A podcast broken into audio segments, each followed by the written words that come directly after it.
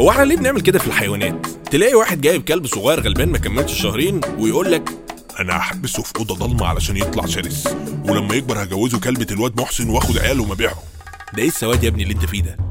الراجل ما بيطاردش الفار علشان يطرده من البيت ويعرفه إنه ضيف غير مرغوب فيه لا بيطارده علشان يقتله يعني جناية مع سبق الإصرار والترصد. ولما فار يقع في المصيدة بدل ما ياخده يسربه في أي خرابة ياخده يغرقه في البانيو. بتقتله ليه؟ بتقتله ليه؟ علشان تبين قدام مراتك إنك راجل يعتمد عليه وأنقذتها وإنها كسبت كتير لما اتجوزتك. على فكرة أنت عارف وأنا عارف ساعة الجد هي اللي هتقول عليك إيه. خلينيش أتكلم بقى.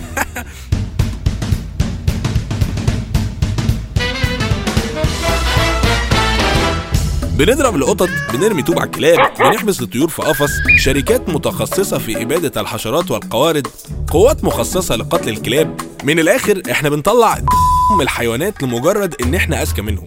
بالإضافة لأننا ما بنفهمش لغتهم. يعني العصفور اللي أنت حابسه في القفص ده ممكن يكون بيقول لك طلعني من هنا يا قاضي يا ده أنا لو أقوى منك كنت حطيتك على غري.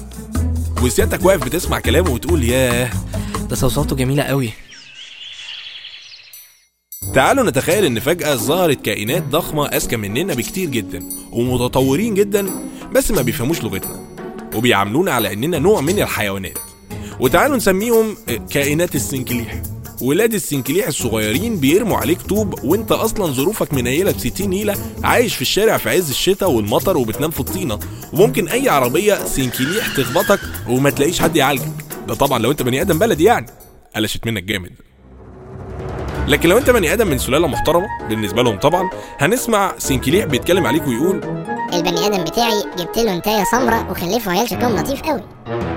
وياخد عيالك ويبيعهم في سوق الجمعة. وممكن السنكليحات يحبسوك في قفص ويرموا لك سوداني. وانت تصرخ وتقول لهم خرجوني من هنا أنا كائن حي وعايز اعيش على طبيعتي. وهما طبعا يقولوا لبعض بلغتهم. ياه ده صوصاته جميلة قوي. أو تخش تدور على أكل في بيتهم تقوم واقع في المصيدة بتاعت السنكليح اللي عايز يثبت لمراته إن هو سنكليح يعتمد عليه وإنها كسبت كتير لما اتجوزته وياخدك يغرقك في البانيو.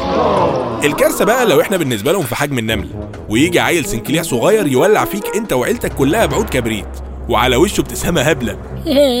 قتلته بابا. وفي كمان اللي أنيل من كده.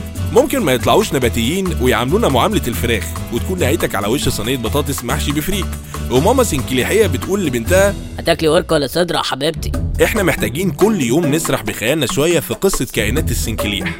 علشان نعرف إزاي نعطف على الكائنات اللي ذكائها أقل مننا. صحيح كله في السنكليح.